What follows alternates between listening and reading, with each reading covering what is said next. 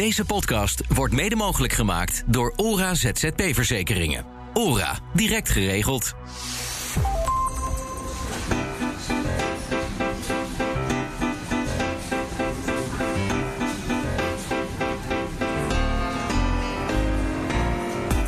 Leuk dat je luistert. In deze ZZP-café hebben we het over het financiële plaatje. Ik denk dat ik gewoon moet werken tot ik doodga.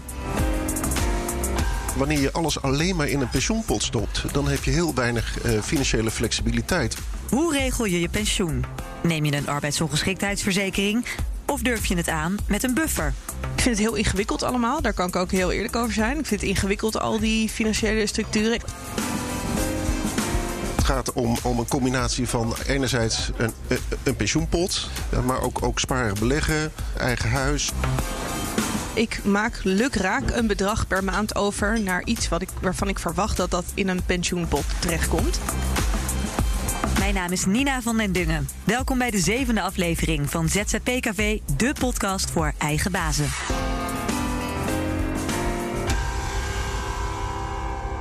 de jus is voor mij. Lekker. Dankjewel. Hugo Jan, je taart. Een worteltaartje. Ja. Heel gezond. Een dubbele espresso. Dit is zeg maar een soort van mijn lunch. De vaste luisteraars van deze podcast weten inmiddels wel dat we in uh, Barbrasserie Danel zitten in Utrecht. En dat Hugo Jan Ruts mijn vaste co-host is. Hij is hoofdredacteur van Zipconomy, het nieuwsplatform voor ZZP'ers en hun opdrachtgevers. Welkom terug Hugo voor de zevende keer Zevende alweer. keer alweer, ja. Gaat hard, hè? hebben we vandaag? We hebben een heel leuk onderwerp, een boeiend onderwerp. Wel een onderwerp waar heel erg veel ZZP'ers misschien wel een beetje ongemakkelijk van op hun stoel gaan schuiven. Zeker. Politici het... ook trouwens. Politici? Waarom dan? Ja, die maken zich over dit onderwerp ook uh, bovenmatig uh, zorgen. Ja, dat wij namelijk helemaal niks geregeld hebben voor ons pensioen of voor als we arbeidsongeschikt raken. Dat is natuurlijk ook wel echt een zorgelijk ding. Ja, ja, ja. De vraag die wij vandaag gaan stellen is: uh, heb je je financiële zaakjes op orde? Heb je straks je schaapjes op het droge. Ik heb twee ZZP'ers uitgenodigd op dit thema. Een van hen uh, lijkt mij zeer representatief voor een groot deel van de ZZP'ers. Op financieel gebied dan, dat ben jij, Suzanneke Niemeyer. en uh, de ander is expert op het gebied van financiële planning. En dat ben jij, Gaston Hendricks. Welkom allebei. Dank je. Dank je. Um, Suzanneke, ja. jij werkt als brandmarketeer. Jij houdt je bezig met merkstrategie van bedrijven. Je bent ZZP'er. Ja. Ik vraag je ook naar je leeftijd, want het is wel goed om even in het plaatje te passen van hoe oud ben je en dus hoe ver ben je richting pensioen. Volgens mij nog niet zo ver. Nee, ik uh, ben 36. Dus uh, ik, ik ben uh, nog niet echt met mijn pensioen bezig, moet ik bekennen. Nee. Om meteen maar even op naar neer te leggen, deze uitspraak. Ja, jij zei tegen mij eerder dat je de struisvogelmethode ja, hanteert. Ik, oftewel ben, kop in het zand. Ja, zeker. Ik ben groot aanhanger van deze struisvogelpolitiek. Uh, ik heb inderdaad mijn kop in het zand gestoken. Daarom vind ik het ook een heel interessante bijeenkomst. Uh, want ja, ik ben zeker iemand die uh, niets geregeld heeft. Niets geregeld. Nou, dat uh, gaan we het zo over hebben. Gaston Hendricks, zelf ook ZZP'er. Ja, klopt. En dus financieel uh, adviseur. Je hebt je eigen bedrijf, kapitaalmeester. Dus ik hoef jou niet te vragen hoe goed jij je financiële zaken op orde hebt. Nou ja, zoals bij, bij, de, bij de huisschilder uh, dan uh, bladdert de verf van de kozijnen af. Uh, zo, zo erg is het bij mij niet. zeker niet zelfs. dus ik, ik ik heb wel een heleboel dingen al ge gepland en ook geregeld. Ja. Maar wil niet zeggen als je het eenmaal geregeld, denkt het eenmaal geregeld te hebben dat het dan klaar is. Je moet um, steeds weer opnieuw verversen of zo. Iedere vijf jaar moet je je huis schilderen. Iedere planning moet je in ieder geval ook periodiek bijhouden. Dat, zo, dat sowieso. Oké, okay, komen we ook zo meteen op terug. Hoeveel klanten krijg jij als Suzanneke? um, redelijk wat, uh, maar niet alleen maar. Oké. Okay. Hugo Jan, dus, laten we de onderwerpen ja. een beetje uit elkaar trekken. Want er zijn een aantal belangrijke dingen die je eigenlijk als ZZP'er zou moeten regelen. Of in elk geval waar je over na moet denken. Ja. Um, dat zou pensioen zijn, dat zou arbeidsongeschiktheid zijn. Uh, en bijvoorbeeld of je een buffer hebt. Hè, dat je het even uit kunt zingen ja. als er bijvoorbeeld geen werk komt. Laten we beginnen met pensioen. Heb jij daar wat feiten over, over ZZP'ers en hun pensioen? Ja, die heb ik wel. De, de zelfstandige arbeidsenquête van CBS en TNO zeggen daar het, het nodige uh, over. Die zeggen bijvoorbeeld dat uh, 18% van alle zelfstandigen zonder personeel uh, niet heeft geregeld voor zijn pensioen. Dus geen enkele 18%. 18%. Nou, kan je ook omdraaien. Hè? Dus 80% heeft iets geregeld. Ja. Dat is, dat is dan weer best, best veel. Okay. Gelukkig wordt ook al uitgevraagd wat je dan hebt. En wat mij wel opviel is eigenlijk twee dingen. Um, 45% zegt ja, ik heb mijn pensioenfonds van mijn oud werkgever. Ja, uh, maar daar werk je niet meer. Maar daar werk je niet meer. Maar dat pensioenfonds, dat, dat geld dat staat er natuurlijk nog. Dat krijg je ook nog eens een keertje. Het is een beetje ja. de vraag of ze Maar je ook... bouwt dan niks meer je erbij bouwt niks op. Maar het kan wel. Hè? Want Ja, je ja. kan vaak doorsparen bij het pensioenfonds van je oud werkgever. Ja, oké. Dat is nou, uh, uh, niet eens zo'n heel slecht idee, denk Nee. ik. Um, en uh, 40%, iets meer dan 40% zegt ja, ik heb spaargeld. Spaargeld en beleggingen, dat is mijn manier van uh, ja, het opbouwen van een, uh, van een pensioen. Ja, want alleen sparen, dat schiet nu natuurlijk niet op. Weet Gaston wel anders vallen dan alles van. Want Ja. de rente staat hartstikke laag. Ja, Maar beleggen, daar kun je dan natuurlijk wel weer je wat mee. eh, eh, wat mee doen. Dus natuurlijk ook wat risicovoller. En hij zegt ook nog een keertje 30%. Ja, ik heb het in de waarde van mijn huis gestopt. En ik moet zeggen, die die ken ik ook wel vrij veel. Die in een goed jaar gewoon heel veel aflossen op een huis. ja, En dan misschien op een 50 hun huis hebben afgelost al. Nou ja, dat scheelt natuurlijk om eh, ja. een slok om ja, maar dan zou je tegen de tijd dat je met pensioen gaat... eigenlijk je huis moeten verkopen om het geld los te krijgen. Ja, maar goed, wij, wij hebben pensioen. Hè? We hebben natuurlijk een basispensioen allemaal. Ja, dat is de AOW. Of de AOW. Ja. Dat is niet veel. Maar eh, als Het is je, wel wat. eh, het is wel wat. En als je totaal geen eh, woonlasten meer hebt... Nou ja, dan kun je in ieder geval naar de supermarkt. Suzanneke, wat heb jij geregeld voor je pensioen? Net zei je Ja. niks, maar helemaal niks? Nee, dat is niet waar. Ik heb, ehm, we hebben natuurlijk een aantal onderwerpen. Pensioen heb ik dan wel geregeld. Ehm, Wat heb je daarvoor gedaan? Ik eh, heb bij Bright eh, me aangemeld. En, maar daar begint het dan al. Ik maak lukraak een bedrag per maand over naar iets wat ik, waarvan ik verwacht dat dat in een pensioenpot terechtkomt. Daarnaast heb ik ook nog eh, ook bij Bright een, eh, een, een soort van aandelenrekening lopen. Ehm, en ik heb eh, recentelijk een huis gekocht. Zodat je, daar had je het natuurlijk ook net over. Ze recentelijk een huis gekocht in Amsterdam. En mijn bedoeling is dus ook om dat eh, behoorlijk snel af te lossen. En ik zou eigenlijk het liefst daarna zo snel mogelijk nog een huis willen kopen. Ik heb een vrij klein eh, huisje gekocht. Waarvan Mhm. ik denk dat het niet al te lang duurt om het af te lossen. Ja. Dan zou ik er nog geen naast willen kopen. Ene verhuren. En dan is die eh, die ik nu heb gekocht, dat is dan hopelijk mijn pensioen. Gaston, ik zie jou driftig meeschrijven. Het zit natuurlijk in de aard van het Nee, oh, beestje. nee, ja, nee, dat is, eh, ehm, het, het is wel grappig, want eh, ja, pensioen, is, eh, pensioen moet je veel breder zien dan alleen maar die, die pot eh, die je opbouwt bij, eh, bij of een werkgever of in een pensioenpot eh, Ja. stopt. Het gaat om, om een combinatie van enerzijds een, een pensioenpot, Mhm. maar ook, ook sparen, beleggen, eigen huis, eh, AOW. Als je gewoon naar de combinatie van van alles kijkt, wanneer je een mix hebt, dan is dat helemaal niet zo verkeerd. Nee, maar is het genoeg wat Suzanneke heeft gedaan voor haar pensioen? Eh, nou ja, genoeg. Het is in ieder geval een begin. Maar het is eh, niet genoeg. Nee, maar ze is ook nog geen eh, 67. Nee, zeker niet. Verre van. Nee, maar eh, Dus als ze, ze, heeft, moet- ze heeft ook nog wel even de tijd. Ehm, maar het is wel ehm, eh, goed dat ze nu al nadenkt, of dat jij nu al nadenkt over het Ja. feit van: goh, ehm, er komt ook een tijd dat ik geen of weinig verdiencapaciteit meer heb. ja. En dan is er wel AOW. Laten we hopen dat die er dan straks nog is. ja, dat is het volgende. Ehm, ja, als, wat, wat als de AOW verdwijnt? Nou ja, andere discussie, moeilijke discussie. Laten we, laten we van positieve uitgaan en dat er nog een AOW'tje is. Ja, dat zou fijn zijn. Nou ja, en, en wat het grappige is, want wanneer je alles alleen maar in een pensioenpot stopt, dan heb je heel weinig eh, financiële flexibiliteit. Want je, eh, je kunt het geld pas opnemen uit je pensioenpot op het moment dat je met pensioen gaat. Ja, Dus als je daarnaast nog een pand hebt, wat, wat je op enig moment ook zou moeten verkopen of verhuren, eh, wil het geld opleveren. Ehm, als je daarnaast gewoon een, een, spaart en belegt, dan kun je als je dat zou willen, desnoods 2, 3, 4, 5 jaar eerder stoppen met werken. Dat geld kun je daar dan weer voor gebruiken. Als je het heel goed doet.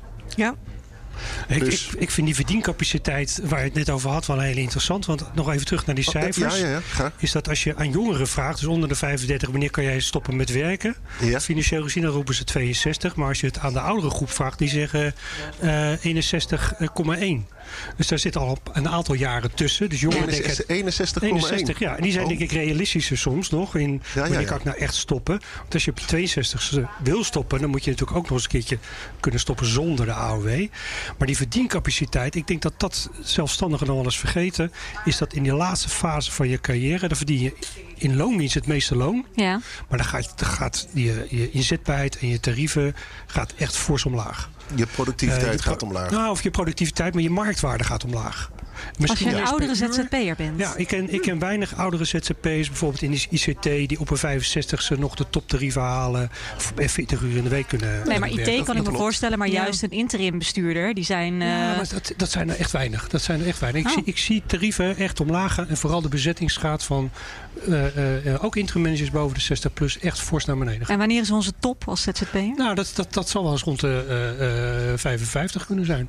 Nou, Suzanneke, dan hebben we nog even. Dan hebben wij nog even. Ja, maar Sterker je nog, moet de dus beste is je- yet to come. in je planning dus wel rekening ook mee houden dat, je dat, dat het daarna gewoon minder wordt. Ja. Dat hoeft helemaal niet erg te zijn. Het is ook niet niks. Maar dat is, dat is wel net even wat andere financiële planning dan een gemiddelde werknemer zal doen. Heb jij er ooit over nagedacht, Suzanneke, hoeveel geld jij denkt nodig te hebben als je met pensioen wil? Want je krijgt een basis AOW'tje. Wat is dat nu? 700, 800 euro voor een eenpersoonshuishouden in elk geval? Heb jij enig idee hoeveel je er bovenop nodig zou hebben? Nee, En ook nooit over nagedacht? nee. Nee, ja, daar, daar- dat, is, ehm, eh, dat, dat klinkt heel nonchalant, hè, natuurlijk, als ik dat zo zeg. Ehm, maar eh, nee, ik heb daar eigenlijk nooit over nagedacht. Het ding is ook, eh, ik vind het heel ingewikkeld allemaal. Daar kan ik ook heel eerlijk over zijn. Ik vind het ingewikkeld, al die financiële structuren. Ik, doe, eh, ik ben ZZP'er omdat ik in een bepaald vakgebied goed ben. Maar dat wil niet zeggen dat ik alle dingen die erbij komen, dat ik daar ook goed in ben. Nee. En dat merk ik, daar loop ik echt wel tegenaan af en toe. Dat ik soms gewoon eh, door de boom het bos niet meer kan zien. En ik ben ook niet heel erg bezig met wanneer ik kan stoppen met werken. Ik ben eigenlijk ehm, een beetje zo van... ik denk dat ik gewoon moet werken tot ik doodga. Bij wijze van spreken. En omdat ik er gewoon niet meer van uitga... dat die zekerheden zoals een pensioen of een AOW... of dat er later nog gaat zijn. En ik vraag me ook... Ik vind het ook, volgens mij vind ik dat ook niet erg. Ehm, dus dat is ook een beetje hoe ik er zelf in zit. Ik heb Ja. niet het idee van, oh, ik wil stoppen op een bepaalde leeftijd, want dan wil ik niks meer hoeven doen. Nee, ik wil eigenlijk gewoon lekker blijven werken. Maar tussendoor ook vooral genieten. Maar ja, wat Hugo Jan net zegt, dat blijkbaar je marktwaarde omlaag gaat. Dat Ja. is dan best wel een beetje een eye-opener, kan ik me voorstellen. Dat, eh, dat moet ik wel even laten inzinken. Ja, ik dacht eigenlijk, wat jij zegt in loondienst, eh, nou ja, dan, dan ga je natuurlijk vaak eh, omhoog. eh, maar dat dat is, is ook een raar systeem hoor, vind ik. Ja, Eh, wat we in Nederland hebben. Dat, dat, dat Ja. salarissen van werknemers, tot- dat blijft groeien tot, tot je, totdat je met pensioen gaat. Ja. Nou, wat, wat, wat, wat daar ook nog bij komt, is dat die pensioenpremies, die, dus die ingelegde pensioenpremies, naarmate je ouder wordt, stijgen die pensioenpremies. Voor werknemers. de- van, Ja. Voor werknemers. Dus, dus denk dan bijvoorbeeld aan een 30% van hetgeen je verdient, minus, minus een bepaalde AOW-drempel. Ergens tussen de 14.000 en de 17.000. Dat, is, eh, dat is per regeling anders. Maar als je een beetje jouw leeftijd hebt, 5, 36, dan, eh, dan wordt er toch al gauw een, een 16, 17 procent aan eh, pensioenpremie ingelegd. Dus als je na zou willen bootsen wat je eh, zou hebben in loondienst, moet je wel aan dat soort eh, percentages denken van je salaris. Minus dan die 14, 15.000 euro. Hè? Ja. Gaston, voordat we naar eh, de AOV gaan, de arbeidsongeschiktheidsverzekering. Kan je eh, een- op papier een berekening maken van hoeveel geld heb ik ongeveer nodig als ik gewoon rond de 67 echt wel zou willen kunnen stoppen? ik maak even notities. Suzanneke schrijft Ja? mee. Ik heb Eurotech Nou, al opgeschreven. Nou, het, het is. ehm, waar je in ieder geval even rekening mee moet houden, is een, wat zou je willen uitgeven? Wat geef je nu uit bijvoorbeeld? Is dat een echte vraag? Ja, dat is Nou, de nou vraag. ja, hoeft niet. een- je, je hoeft geen eerlijk antwoord te geven. Oh maar- nee, ja, ik, maar- eh, ik heb een aardig eh, uitgavenpatroon. En om, om ook heel eerlijk te zeggen, eh, weet ik niet precies wat ik per maand uitgeef. Maar ik maak mezelf ongeveer 2.500 euro aan loon zeg maar, over van wat ik ehm, omzet in een maand. Daar maak ik mezelf ongeveer 2.500 euro van over. En vervolgens eigenlijk aan het einde van de maand nog een beetje, omdat ik nooit uitkom. Maar dat Ja. heeft ook te maken dat mijn vaste lasten en mijn huis en mijn hypotheek en alles gaat er ook vanaf. En ik heb twee woningen op dit moment, een huurhuis en een nieuwbouwhuis. Dus ik betaal heel veel vaste ja. lasten. ja. Ja, oké, Ehm, dan is dit, is dit misschien niet helemaal maatgevend voor wat je normaal gesproken. Nou, ja, dat is al anderhalf jaar de situatie. En het blijft ook nog wel even zo. Oké. Ehm, maar ja, wat, wat zou ik. Dan denk ik wel iets van 3.500 euro of zo op dit moment. Nou ja, feitelijk wanneer je die 3.500 euro uh, doortrekt naar over, nou, laten we even jaar. zeggen, 30 jaar. Ja. Ja. Mag je toch wel rekening houden met, een, met een 2% inflatie per jaar. Dus, dan de, dus die 3,5 wordt al gauw zeg maar een 60% meer. Pittig. En tegen die tijd heb je geen hypotheek meer. Althans, was jouw bedoeling. Ja. Dus dat mag je er eigenlijk van afhalen op het moment dat je, dat je, uh, dat je met pensioen gaat. Ja, dus op het moment dat ja. jij nu van die 3.500, 2000 aan woonlasten zou hebben, zouden die dan hoogstwaarschijnlijk wegvallen als je die, hebt afgelost? Die, die, vallen weg uh, ja. voor, voor je cost of living. Dus je, je, je moet, als je het uh, heel goed voor jezelf wil bepalen, dan moet je kijken naar de uitgaven voor eten, drinken, leuk zijn. Zet dat, zet dat dan af tegen, tegen de lasten die je tegen die tijd uh, hoopt te hebben. Ja. En, en wat jij zegt, en, en, 60% en inflatie. Dus 60% meer. Ja. Dat is, dat is echt dat is heel normaal. Maar hopelijk verdien je tegen die tijd ook 60% meer. Dat Suzanne. zou lekker zijn. Vaak uh, is dat niet zo, maar, nou ja, dat is, maar uh, het zou wel prettig zijn. Even, even uh, op, op, de, op, die, op die boog van Hugo Jan. Je toptarieven haal je bij tussen 50 en 55. En daarna bouw je je tarieven af. Mm -hmm. Dus dat gaat niet helemaal op, maar uh, het is in ieder geval wel iets om even rekening mee te houden. Oké. Okay. Het is, het is in die laatste uh, fase van je ZZP-schap denk ik vaak misschien eens een lager tarief, maar met name je bezettingsgraad ja, ja. gaat gewoon minder gevraagd worden. En misschien ook gewoon ook, ook niet meer aan kunnen om in. 40 uur in de week een echt een hele complexe klus te doen. Ja. Maar is dat iets ja. wat op dit moment dan speelt? Je, je had als voorbeeld die IT-manager erbij. Nou, daar kan me wat bij voorstellen. Maar denk je dat dat over 20, 30 jaar nog steeds zo is? Ja. Ook, uh... ja. Nou, ik zou niet weten. Ik, ik zie, nou ja, volgens mij, die cijfers, die, als je dat terugkijkt, dan, dan was dat 20 jaar geleden niet heel anders. Mm -hmm. En ik, ik, denk dat dat. Uh, maar ik zie ook geen aanleiding waarom dat over, over 20 jaar anders weer zal zijn. Dat, nou ja, ik, ik, kan me jouw vraag wel een beetje voorstellen. Want um, uh, er is natuurlijk sprake van een vergrijzing van, van, van de samenleving. Dus mensen zullen eraan moeten wennen dat ze ook met oudere uh, adviseurs te maken gaan hebben. Ja, en ik ja. zit zelf een beetje te denken aan die uh, hele digitaliseringsslag. Ik kan me voorstellen dat er bepaalde ZZP'ers op dit moment zijn die wat ouder zijn, die niet zo overweg kunnen met al die digitale dingen van tegenwoordig. En dat wij, hè, jij en ik Nina, daarmee opgegroeid zijn. Wellicht uh, straks minder problemen daarmee hebben of wat dan ook. Ja, je kijkt me lachend aan, dus ik zit er nou, helemaal ik, naast. Wacht maar tot je mijn zoon tegenkomt, dan uh, die, wil je een stuk jonger zijn dan ja, jij. Die, ja, ja, nee, tuurlijk. Dat, uh, ja, er is natuurlijk altijd een nieuwe generatie. Ja, die, ja. De, de, ja absoluut. Je, daar moet je ook nog altijd voor zien te blijven. Ja, maar goed.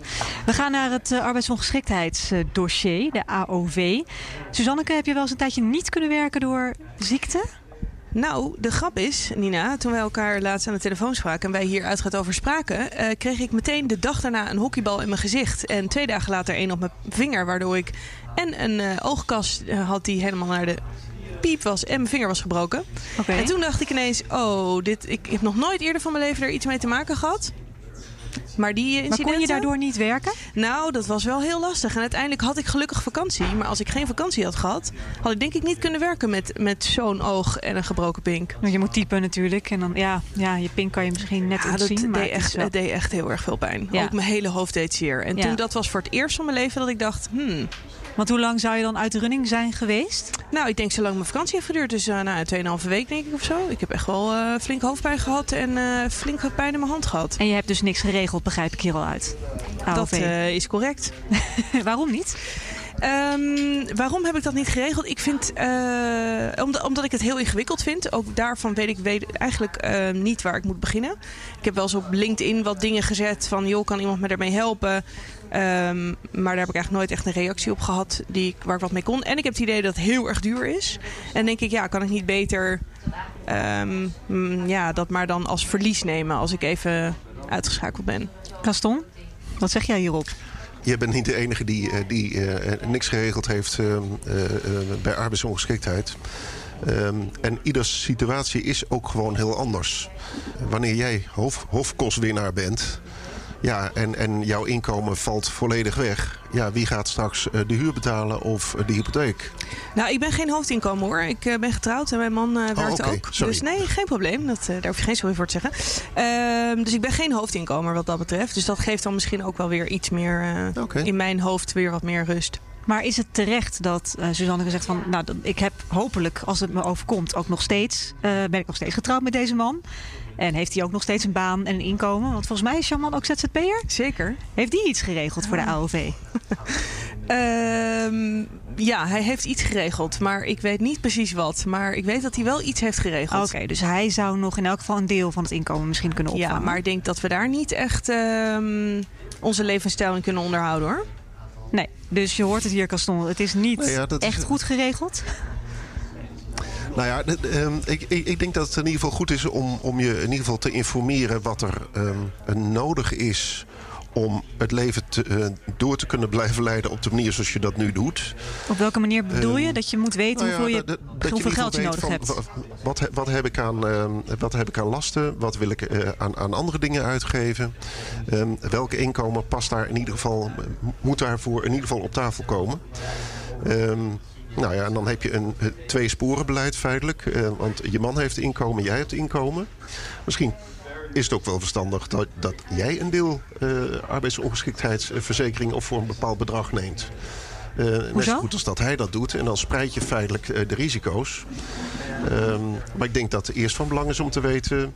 wat heb je nodig? Als je dan ervoor kiest om het niet te verzekeren... Ja, dan komen we denk ik straks ook nog even over te spreken. Dan, dan, dan weet je in ieder geval dat je een buffer moet gaan aanspreken. Ja, maar, dan, maar dan moet die buffer er wel zijn. Ja, nou die buffer komen we zo op. Uh, Hugo Jan, wat weet jij over ZZP'ers en hun AOV'tjes? Ja, ik denk dat het, het belangrijkste eerste onderscheid is tussen ziekte en arbeidsongeschiktheid. Ja. Want, want een, een, bal op je oog of een kapotte vinger voor twee weken, dat valt feitelijk niet te verzekeren. Ja, het kan wel, maar dat is enorm duur. duur. Dus als we het over arbeidsongeschiktheidsverzekeringen hebben, dan hebben we het eigenlijk altijd over voor een verzekering als je gewoon niks meer kan. Oh. Maar dus tijdelijk dan? Wat, nou ja, maar en, en, vaak zit daar bij verzekeringen een, een, lange wachttijd. Ja. Dus de meeste arbeidsongeschiktheidsverzekeringen die betalen uit na een, een half jaar. Ja, ja. Of pas na twee jaar. Dus de eerste twee jaar zitten daar niet in.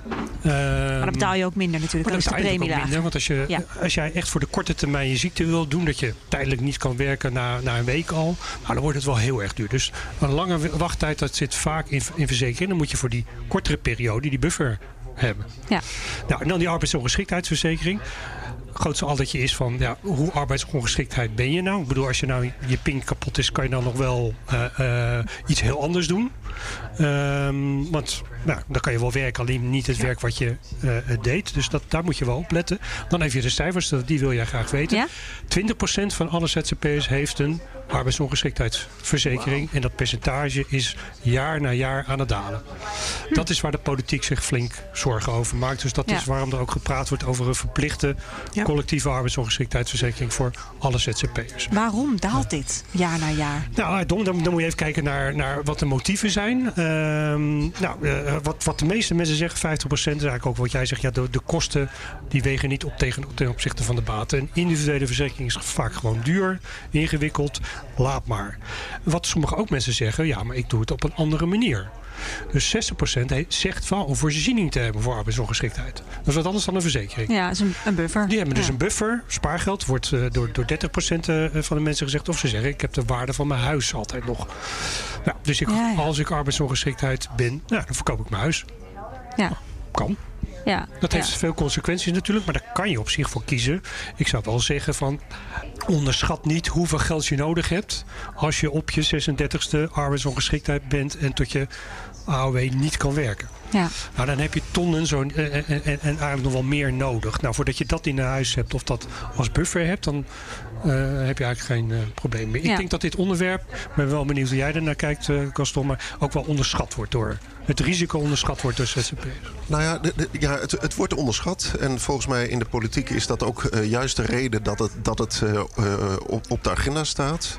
En inderdaad, stel dat je met 536 arbeidsongeschikt wordt en je moet, het al, je moet al rondkomen tot, tot je AOW-datum. Ja, ja dat, daar gaan megabedragen in om.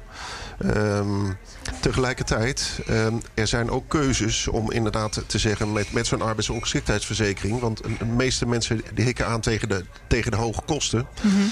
Maar wanneer je bijvoorbeeld in staat bent om het eerste half jaar geen beroep te doen op zo'n arbeidsongeschiktheidsuitkering. Ja, dan is die premie heel anders dan wanneer je hem al na vier weken of na een maand nodig Maar gaat hebt. hij dan echt significant omlaag, het maandbedrag? Weet jij wat het kost, de gemiddelde arbeidsongeschiktheidsverzekering?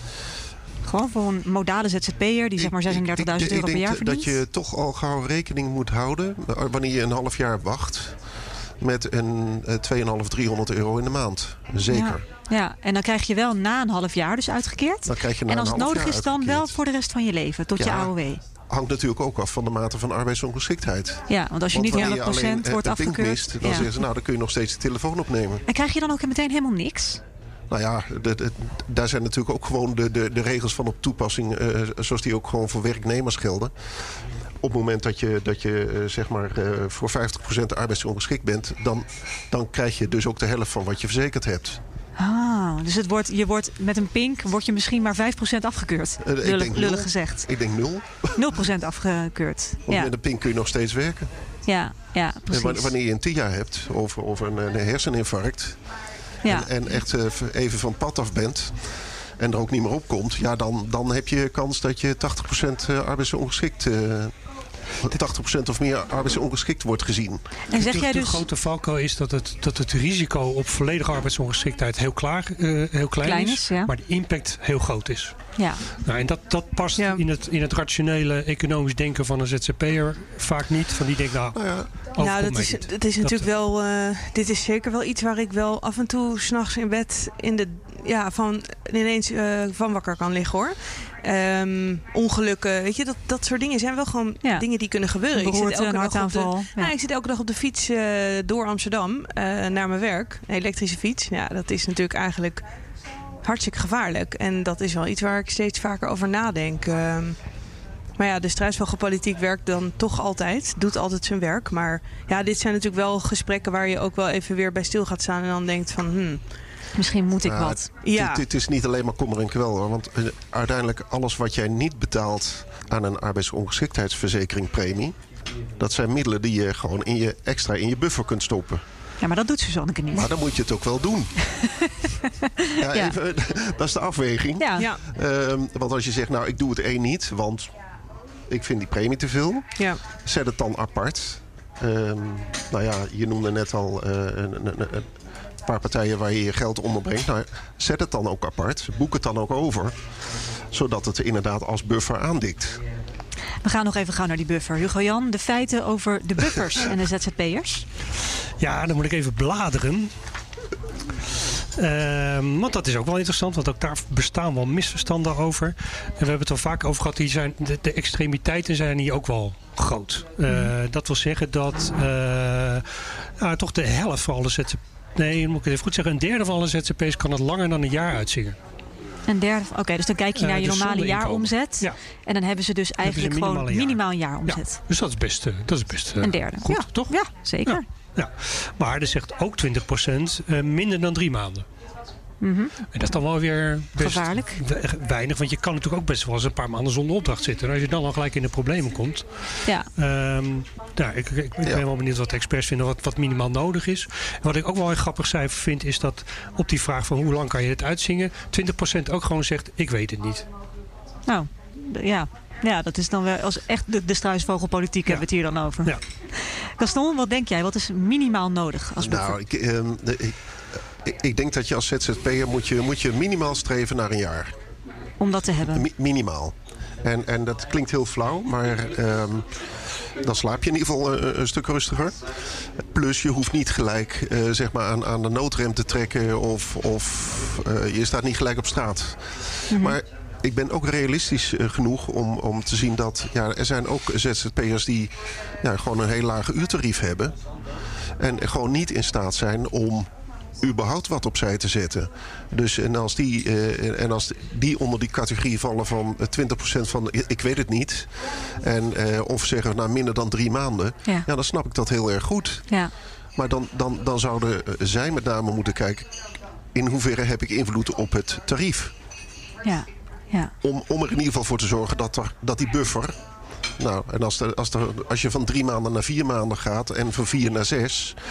Dan komen we vanzelf ook ergens in- op die buffer van een jaar. Eh, maar dat zou wel een streven moeten zijn, naar mijn idee. Suzanneke, hoe lang kan jij het uitzingen? Um, nou, ik heb het daar toevallig van de week uh, tijdens mijn vakantie uitgebreid met mijn man over gehad. Um, ook gewoon gezien de zorgen die wij hebben over het jaar 2021 wat eraan gaat komen. Als ZZP'ers met allebei op, aflopende opdrachten. Um, ja, wij kunnen het zeker, zeker 18 maanden volhouden. En ik denk eigenlijk wel langer. Als jullie allebei geen werk ja. meer hebben. Ja, nou, dat is echt maar wel... Hebben... Dat is luxe toch, Gaston? Of, of zie ik dat verkeerd? Nou, ik, ik, ik vind dat een... Uh, ja. Als je naar de cijfers kijkt, dan zeg je dat is een luxe positie. Ja, ja we hebben gewoon... Uh, weet je, het zijn goede jaren geweest uh, de afgelopen jaren voor ZZP'ers. Ik heb heel veel gewerkt. Een man heeft heel veel gewerkt. We zitten redelijk aan de bovenkant van de markt qua uurtarieven. En we hebben gewoon ja, heel veel geld gespaard. En uh, ik denk dat we, ik verwacht wel dat we dat het komende jaar zullen moeten gaan aanboren. Dus dat is wel iets waar we altijd wel uh, mee bezig zijn geweest. Ja. Nou hebben wij het in aflevering 2 Hugo Jan gehad. Dat was de tariefenshow.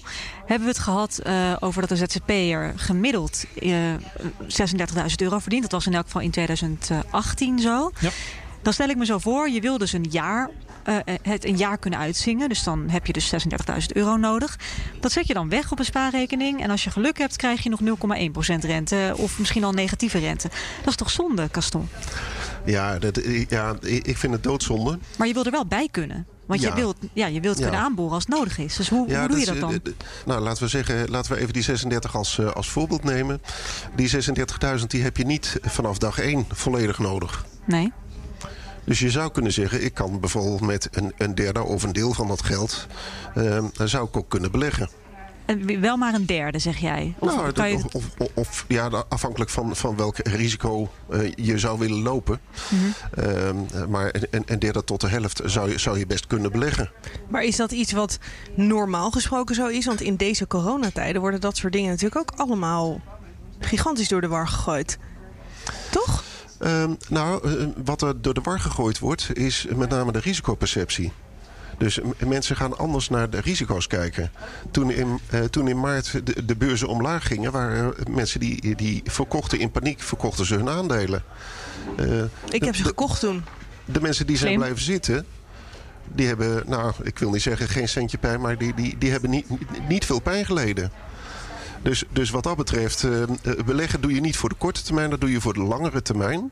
Dus als je zegt, ik, uh, ik ga een deel van mijn spaargeld, wat nu 0% oplevert, ja. uh, beleggen. Dan, dan doe je het natuurlijk niet met het hele bedrag. Dan doe je dat gewoon voor, met een stuk om ervoor te zorgen dat je in ieder geval die inflatie een beetje bijblijft. Maar zou je dat in deze tijden ook durven? Ik weet niet of ik dat nu nog zou durven. Dat zeg maar zo'n uh, gedeelte van mijn spaargeld, terwijl ik het zo hard nodig heb, uh, om dat nu in aandelen uh, te investeren. Gezien de coronasituatie en beurzen die uh, niet meer ervoor staan zoals ze stonden in 2019. Nou, dat, dat, of is dat mijn, mijn perceptie alleen maar? Nou hoor, dat voel ik met je mee als ja, ZZP'er. Dat is, dat is een hele terechte vraag. Um, ik ben geen beleggingsadviseur, maar als je gewoon um, over de jaren heen kijkt... dan, dan haal je zo 7, 8 procent op aandelen qua, qua resultaat. Terwijl op dit moment uh, is de spaarrente nul. Dus ieder jaar dat je je geld op een spaarrekening hebt staan... boer je feitelijk vanwege de inflatie 2% achteruit. Ja. Nou, als je zegt, nou, ik kies voor zeker, nou, dan doe je dat. Want dan weet je zeker dat je volgend jaar 2% minder te besteden hebt. Als je zegt, ja, ik wil toch graag die inflatie een beetje bijhouden op de een of andere manier... dan, dan zul je toch iets met dat geld moeten doen. Wat jij ook kunt doen, of jij, jullie, is dat je zegt, nou, uh, wat zijn de kosten van de hypotheek? Ik ga extra aflossen op die hypotheek. Dan heb je minder lasten. Dat is sowieso eigenlijk altijd een hele veilige keuze. Zou dat, is, dat is een veilige ze keuze. heeft een huis in Amsterdam. Dat is redelijk waardevast, zou je zeggen. Nou, we, hebben dat, uh, ja. we hebben dat afgelopen jaar ook gedaan. Dat was het eerste jaar, hele jaar dat we een hypotheek betaald hebben. Aan het eind van het jaar hebben we nog uh, flink extra afgelost. Maar dat geld ben je wel kwijt. Daar kun je niet meer bij. Ja, en je lasten gaan er wel ietsje omlaag. Maar daar merk je ook nog niet heel veel van als je net begonnen bent. Nee. Maar dat geld ben je kwijt. En dat kun je nergens anders meer voor gebruiken. Uh, dus ik kan dat niet meer terughalen. Nee, het, het, het zit, uh, zoals ik het zeg, het zit gewoon in de bakstenen. Ja. En, en als je geen geld op de spaarrekening of op de lopende rekening hebt staan... dan is er niemand die zegt, neem jij maar lekker een broodje baksteen. Zo werkt dat niet. Nee. Dus je, je zult op de een of andere manier een mix moeten maken van stenen, spaargeld, beleggingen. En beleggingen vooral om de inflatie bij te houden. Slim. En dan heb je pensioen zit natuurlijk ook vast. Hè? Bedoel, wat je fiscaal vrijzet voor je pensioen, mag je ook niet zomaar aankomen, toch? Nee, klopt. klopt. Dus, dus eh, eh, daarom ben ik ook niet voor alles, eh, alles alleen maar in een pensioenpot stoppen. Zorg ook voor financiële flexibiliteit. Kijk naar het geheel. Kijk naar het totaal. Kijk gewoon naar je hele financiële huishouding. Ik ben nu bij het laatste uh, onderdeel van deze aflevering. Dat is namelijk altijd de tip die ik vraag aan het einde. Ik weet niet, Castor, of dit ook meteen jouw tip is of dat je een aanvulling hebt daarop. Eén concrete tip die de luisteraars van deze podcast uh, eigenlijk nu mee moeten nemen. Kijk inderdaad naar je totale financiële uh, situatie. En het op papier zetten, berekenen, nadenken papier, wat je wil uitgeven. Even heel simpel. Wat ik meestal doe is gewoon een lijntje trekken en zeggen... nou, ik ben, dan ben ik 67 en dan is mijn partner 67. Een tijdbalk maken. Een tijdbalk maken. Wat heb ik nu aan inkomen? Wat heb ik straks aan inkomen? Gega nou, gegarandeerd maar in ieder geval aan AOW... en eventueel pensioenen die je al elders hebt opgebouwd. En wat heb ik tussendoor nog van wensen? Ja, een hele dure Jaguar kopen, dan moet je daar toch wel even zoiets. wat... Ja, precies, zoiets. Suzanneke, wat ga jij anders doen na deze podcast? Wat ga ik anders doen? Um, weet ik niet zo heel erg goed. Ik heb, kijk, alles wat ik heb gehoord is niet nieuw voor mij. Um, het is wederom een, een eye-opener. Of tenminste, het is het, het herhalen van iets wat ik al wist. Maar wat wel weer heel erg top of mind is nu. En ja. ook urgenter wordt. Ik kan niet beloven dat ik iets ga veranderen, maar ik ga er wel eens even goed over nadenken. En wat zou jouw tip zijn? Um, ik zou, uh, mijn tip zou zijn: ga ZZP'en, want het is fantastisch. Mooi. Ja. ja. Dan uh, dank ik jullie hartelijk voor jullie komst. Gaston Hendricks en Suzanneke Niemeyer, natuurlijk ook co-host Hugo Jan. Volgende week weer, uh, denk ik, Hugo. Zeker. Dit was een, uh, weer een aflevering van ZZP Café, de podcast voor eigen bazen. Elke week verschijnt er natuurlijk een nieuwe. Abonneer je vooral als je dat nog niet had gedaan. En opmerkingen en vragen over de podcast mogen altijd worden gemaild naar zzp.bnr.nl. Nou wilde ik eigenlijk afsluiten, maar er schiet me na de opname van deze podcast nog iets te binnen. Want we maken natuurlijk een aflevering over risico's. En dan kan je wel nadenken over je pensioen en over een AOV en het aanleggen van een buffer. Maar er kan natuurlijk nog wel meer gebeuren. Wat doe je bijvoorbeeld als ZZP'er als een klant niet betaalt? Kan je dan meteen zelf een incassobureau inschakelen? Is dat niet vreselijk duur? Ik moet eerlijk bekennen dat ik daar zelf niks van weet. Dus het leek me goed om daar nog even een expert over te bellen. Jelle Winia is verzekeringsexpert bij ORA. Hij weet hier waarschijnlijk wel het antwoord op. Met Jelle. Hey Jelle, met Nina. Ik uh, vroeg mij af wat ik als ZZP'er nou kan doen als een klant mij niet betaalt. Ja, ik kan me voorstellen. Dat is natuurlijk echt vervelend als dat gebeurt. Um, je kan als ZZP eerst proberen een tweede betalingsherinnering te sturen. Als de betaling dan alsnog achterwege blijft, stuur je een aanmaning. Ja, betaalt de klant dan nog niet, dan kan je altijd nog een incassobureau inschakelen. Ja, een incassobureau. Maar ik denk dan meteen dat dat heel veel geld kost. Klopt dat? En zijn er eventueel andere opties dan dat? Ja, het bedrag dat je betaalt om een incassobureau in te schakelen is afhankelijk van het bedrag dat je wilt vorderen. Uh, het betreft vaak een percentage van het te vorderen bedrag. Deze percentages zijn vastgelegd in de BIC. Dat staat voor besluitvergoeding voor incassokosten. Mm -hmm. Vorder je bijvoorbeeld een bedrag van 2500 euro, dan moet je rekening houden met ongeveer 10% aan incassokosten. Oké, okay, dus dat ligt wel altijd vast. Het, en als een incassobureau veel meer vraagt, dan kan ik misschien beter een ander zoeken. Inderdaad. Ja. Okay. En veel incassobureaus werken ook op basis van no cure, no pay. Dus zoek er altijd een uit die dat doet. Mhm. Mm -hmm. Dat betekent eigenlijk, uh, lukt het niet om het geld te innen bij de klant... dan ben jij als ZZP'er geen extra kosten kwijt voor het incassobureau. Um, houd er dan wel rekening mee dat als je als schuldeiser alleen de incassokosten mag doorberekenen aan de klant. Andere kosten, zoals administratiekosten, blijven wel voor jouw rekening. Ja, ja, ja, maar die hoeven niet per se heel hoog te zijn, hoop ik dan maar. Nee, nee, precies. En dan is er Um, natuurlijk nog een ander alternatief, denk ik. Ja, een alternatief is het afsluiten van een rechtsbijstandverzekering voor ZZP'ers. Ja, want dan wordt zo'n incassobureau wel vergoed als ik zo'n verzekering heb? Ja, de rechtsbijstandverzekering kent een incassobijstand. Uh, het fijne hiervan is dat zij al het werk voor jou uit handen nemen. Je bent geen extra kosten kwijt. Helder, dankjewel Jelle. Jo, geen probleem. Doeg, hoi. Ja. Dit was hem dan echt. Tot volgende keer.